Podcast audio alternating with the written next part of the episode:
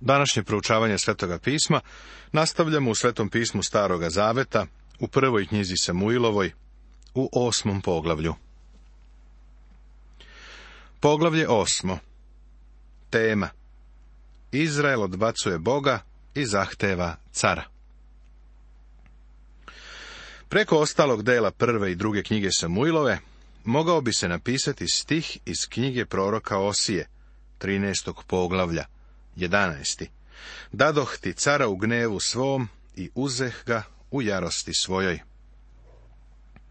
Samuilo je bio sjajan sudija i božiji čovek. On je odrastao u šatoru od sastanka, gde je gledao zloću Ilijevih sinova i video je kako im je Bog sudio. Ipak, pogledaj šta Samuilo radi.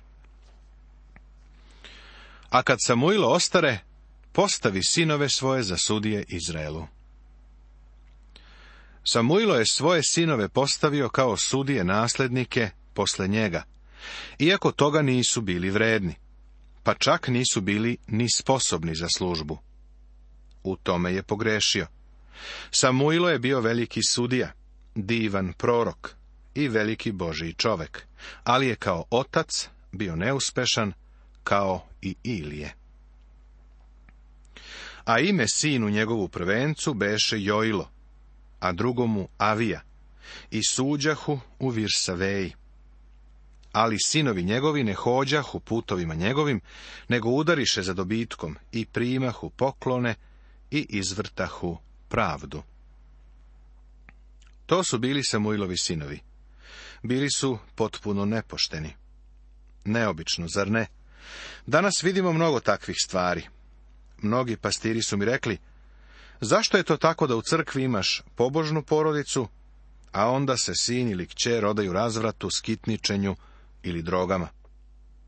Mnogo puta za to nema objašnjenja. Samuilo je bio veliki čovek, Božiji čovek, a vidi šta su njegovi sinovi radili. Tada se skupiše sve starešine Izraeljeve i dođoše k Samuilu u ramu. I rekoše mu, eto, ti si ostario, a sinovi tvoji ne hode tvojim putovima. Zato postavi nam cara da nam sudi, kao što je u svih naroda. Izraelski narod traži cara. Oni su naravno pod uticajem okolnih naroda. Kao svoj razlog navode poodmakle Samuilove godine i samovoljnost njegovih sinova. Ali Samuilu ne bi po volji što rekoše, daj nam cara da nam sudi.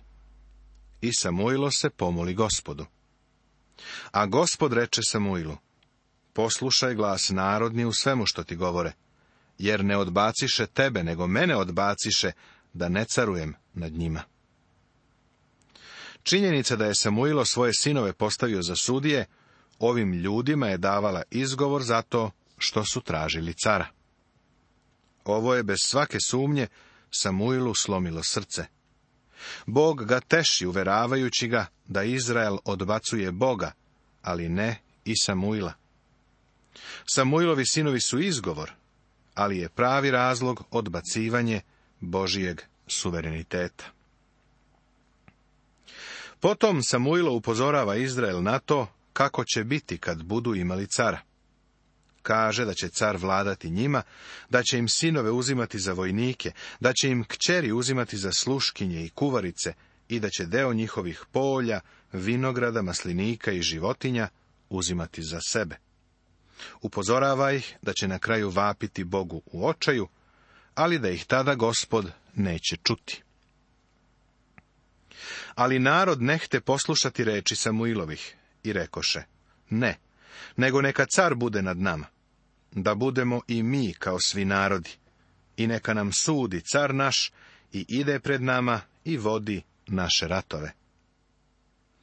A Samuilo čuvši sve reči narodne, kaza ih gospodu. A gospod reče Samuilu, poslušaj glas njihov i postavi im cara. I Samuilo reče Izraelcima, idite svaki u svoj grad. Izraelci su hteli da idu svojim putem. Bog će im dati cara. Ono što je o Izraelu važilo u Mojsijevo doba, važi i sada. On ispuni molbu njihovu, ali posla pogibao na dušu njihovu. Ovo je psalam 106.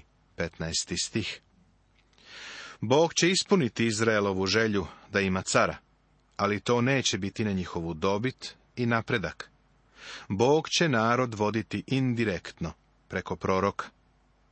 Kao što ćemo vidjeti, Bog neće govoriti direktno caru, nego preko proroka koji će caru preneti Božiju reč.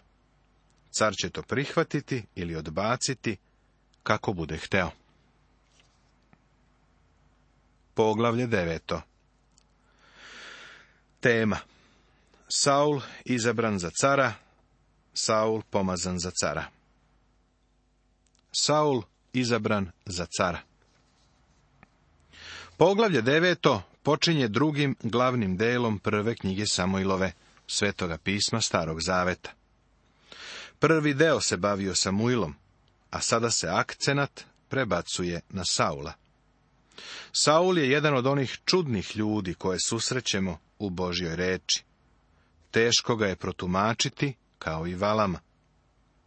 I u starom i u novom zavetu ima dosta neobičnih likova, koji se u nekoj polu tami provlače kroz stranice svetog pisma.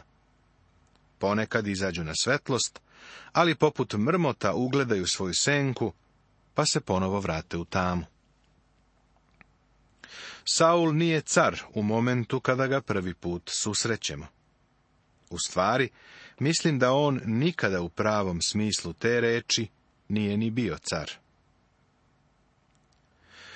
A beše jedan čovek od plemena Venijaminova, kojemu ime beše Kis, sin Avila, sin Serora, sina Vehorata, sina Afije, sina jednoga čoveka od plemena Venijaminova, hrabar junak.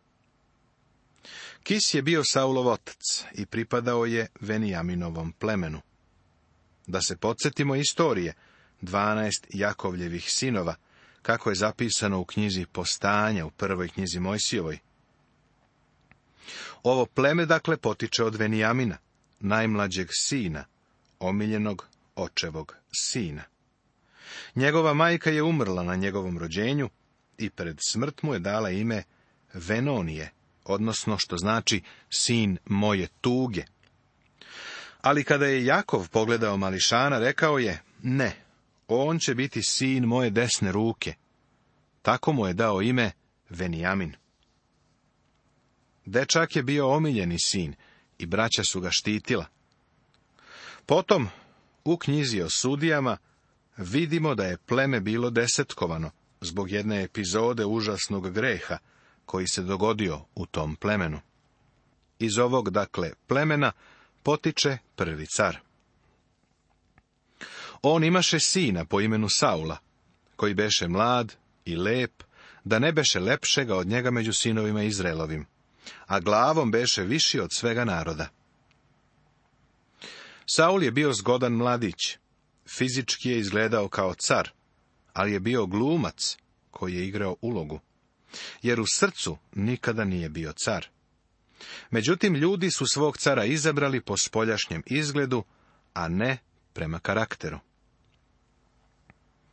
Naglašavanje spoljašnjog izgleda danas u narodu je vrlo opasno. Najopasniji neprijatelj koga imamo jeste televizija. Čovek koji će na kraju kontrolisati ovu zemlju jeste čovek koji se na televiziji predstavi u dobrom izdanju. Zašto? Zato što ljude biramo po spoljašnjem izgledu i načinu na koji razgovaraju, a ne po karakteru. Samo kada bismo imali rentgenske zrake umjesto televizije, da otkriju, tada bi se otkrio pravi karakter čoveka. Izraelci su želeli cara, a Saul im se svideo, bio je zgodan. Bio je visok i lep. U narodu nije bilo čoveka koji je više od njega imao carski izgled. Mogao je biti i televizijska i filmska zvezda. Gledao je ulogu i mogao je da je odglumi. Problem je bio taj što u srcu nije bio car. A kisu, ocu Saulovu, nesta magarica, pa reče kis Saulu sinu svojemu. Uzmi se sobom jednog momka, pa ustani i idi, te traži magarice. Znam da gospod ima smisao za humor. To nikako ne može da ti promakne, jer se nalazi na mnogo mesta u Božjoj reči. Saul je na polju i traži magarice svoga oca, a magarice traže cara. Oni su prijatelju povezani i moraju se susresti. Gospod se sigurno smešio kada se ovo desilo. Kakav komentar na ljudski rod. A kad dođoše u zemlju Sufsku, reče Saul momku svojemu, koji beše s njim. Hajde da se vratimo. Da se ne bi otac okanio magarica i zabrinuo se za nas. Saul i njegov sluga svuda su tražili očeve životinje, ali ih nisu našli.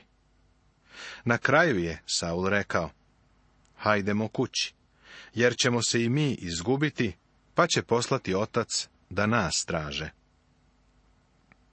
A on mu reče, evo, u ovom gradu ima čovek Boži koga veoma poštuju. Što god kaže, sve se zbiva. Hajdemo k njemu. Može biti da će nas uputiti kuda bismo išli. A Saul reče momku svojemu, hajde da idemo, ali šta ćemo odneti čoveku? Jer nam je hleba nestalo u torbama, a dar nemamo da odnesemo čoveku Božjemu. Šta imamo? A momak, opet odgovarajući, reče Saulu. Eto u mene četvrt sikla srebra. To da dam čoveku Božjemu, da nas uputi. Evo jednog malog objašnjenja koji je Sveti Duh ubacio, a koje nam je korisno. U staro vreme Ko bi išao da pita Boga, govoraše. Hajde da idemo k vidiocu. Jer ko se sada zove prorok, u staro se vreme zvaše videlac. Tu postoji promjena naziva. Čovek koji se bavio vraćanjem i spiritizmom nazivan je vidioc. Bog je želeo da njegov čovek ima drugo ime, pa ga je nazvao prorok. Zbog ovoga je Samuilo prvi iz reda proroka. Iako se Mojsije nazivao prorokom, Samuilo je prvi iz reda proroka. Naravno, Samuilo je taj čovek o kome Saul i njegov sluga razgovaraju. I otidoše u grad. A kad dođoše usred grada, gle, Samuilo, polazeći na goru, srete ih. Znači, Samuilo je na putu sreo Saula i njegovog slugu. A gospod beše objavio Samuilu dan pre nego što dođe Saul, rekavši. Često se postavlja pitanje kako je gospod govorio u starom zavetu, gde piše reče gospod. Mislim da tu gde piše reče gospod, da je gospod i govorio. Tako se odvijala komunikacija. Rečima. Reči Svetoga pisma su nadahnute, a ne misli. Ovim rečima nam je dat nagoveštaj toga kako je gospod govorio. A gospod beše objavio Samuilu. U jednom drugom prevodu kaže se, gospod reče Samuilu na uho. Ono što čujem svojim ušima su reči jedino ovo ima smisla i to je ono što je Samuilo čuo. Sutra u ovo doba poslaću k tebi jednog čoveka iz zemlje Venijaminove. Njega pomaži da bude vođ narodu mojemu Izraelu i on će izbaviti moj narod iz ruku filistejskih. Jer pogledah na narod svoj, jer vika njegova dođe do mene. Mnogo puta gospod uslišava našu molbu, čak i kada to nije najbolje za nas. Kada jadikujemo pred gospodom za bilo šta što želimo, on na kraju učini isto što je učinio za Izrael. Usliši nam molitvu. Kada su Izraelci bili u pustinji, kukali su za mesom. Bog im je onda dao meso, ali je poslao pogibao na dušu njihovu. Zato molitvu treba upućivati u ime Hristovo, što znači da je molitva u skladu sa njegovom voljom i na njegovu slavu. Sve molbe i molitve treba da se pridržavaju toga. I kad Samuilo ugleda Saula, reče mu gospod, eto čoveka za koga ti rekoh, taj će vladati mojim narodom. Bog im je uslišio molbu i dao im je cara. Saul je bio čovek koji je impresionirao i zadivio čak i proroka Samuila. Vidimo kako ga je Samuilo visoko cenio i žalio je zbog činjenice da Saul kasnije nije uspeo. I Saul pristupi k Samuilu na vratima i reče, kaži mi, gde je kuća vidiočeva? A Samuilo odgovori Saulu i reče, ja sam videlac. Hajde predamnom na goru i danas ćete sa mnom jesti. A sutra ću te otpustiti i što ti je god u srcu, kazat ću ti. A za magarice, kojih ti je nestalo pre tri dana, ne brini se, jer su se našle. I čije će biti sve što je najbolje u Izraelu? E ne tvoje i svega doma oca tvojega. Saul u stvari nije bio Božiji izbor. Drugim rečima, on je Izraelu dao onakvog čoveka kakvog su želeli. Dok se Saul kretao među narodom, vidjeli su da je visok, zgodan i da izgleda kao pravi car. Kada su tražili tog cara, Bog im je uslišio molitvu. A Saul odgovori i reče, Nisam li od plemena Venjaminova, najmanjega plemena Izraeljeva, i dom moj najmanji između svih domova plemena Venijaminova. Što mi dakle govoriš tako? Saul u ovom stihu veoma zvuči kao Gedeon. Deluje vrlo ponizno. Gedeon je rekao, o gospode, čim ću izbaviti Izrael? Eto, Rod je moj najsiromašniji u plemenu Manasijinu, a ja sam najmanji u domu oca svojega. Kako je zapisano u knjizi o sudijama u šestom poglavlju, u petnaestom stihu. Gedeon je rekao, ne možeš biti manji od mene. Gedeon je govorio istinu.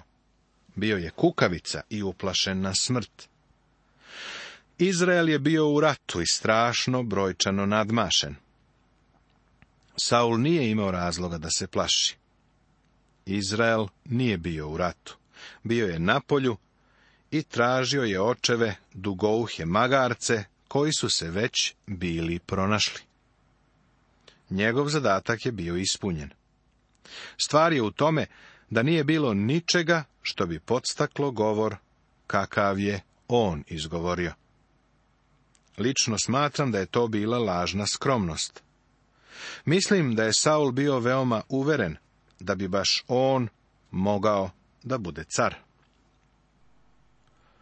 A Samuilo uze Saula i njegova momka i odvede ih u sobu i posadi ih u začelje među zvanicima, kojih beše do trideset ljudi. Samuilo je, očigledno, pozvao i okupio malu grupu vođa.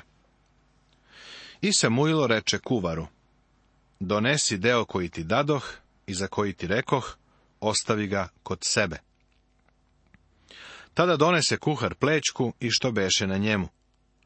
A Samuilo ga metnu pred Saula i reče, evo šta je ostalo, uzmi predase te jedi, jer je sačuvano dosle za tebe. Kad rekoh, pozvao sam narod. Tako jede Saul sa Samuilom onaj dan. Potom siđoše sa gore u grad i Samuilo se razgovara sa Saulom na krovu. A ujutro uraniše. I kad svitaše, zovnu Samuilo Saula na krov i reče mu, digni se da te otpustim. I kad se diže Saul, iziđoše obojica, on i Samuilo. I kad dođoše na kraj grada, reče Samuilo Saulu, reci momku neka ide napred, i on prođe napred. A ti stani malo, da ti javim reč Božiju. Ovde nam je data i opisana formalnost koju su obavili. Saul je toga dana obedovao sa Samuilom i onda su imali sastanak. Nastavit će se.